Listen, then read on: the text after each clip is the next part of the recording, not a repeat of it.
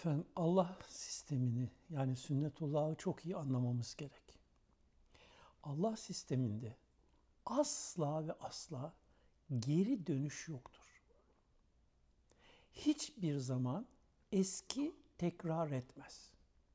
Bu kişi bazında da böyledir, toplum bazında da böyledir, doğa bazında da böyledir. Geriye dönüş, gerinin tekrar yaşanması asla mümkün değildir.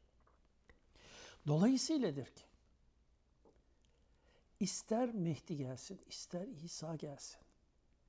Hiçbir zaman bundan 100 sene, 200 sene, 500 sene, 1000 sene evvelki yaşam tekrar etmeyecektir. Çünkü zaten Kur'an insana zaman üstü yönüyle hitap etmek için bildirilmiştir. Devirlere göre insanların yemeleri, içmeleri, giyinmeleri, oturup kalkmaları, örf, adet, ananeleri değişir. Bunun İslam'la alakası yoktur. Önemli olan mesele insanın kendi hakikati olan Allah'ı bilmesi, hatırlaması ve bunun gereğini yaşayabilmesidir. Bu Kur'an'ın zaman üstü mesajıdır.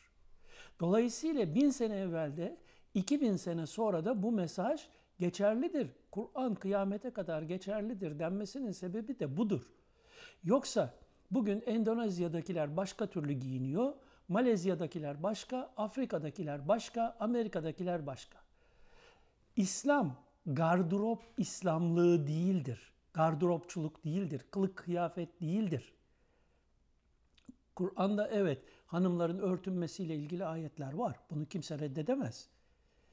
Ama bu ayetlerin gereğini uygulamayan bir kadın da cehenneme gider, ebedi dinsizdir diyemezsiniz. O kişi onun kusurudur. O Allah'la onun arasındadır. Allah diler bağışlar, diler bağışlamaz. O seni de ilgilendirmez, beni de ilgilendirmez.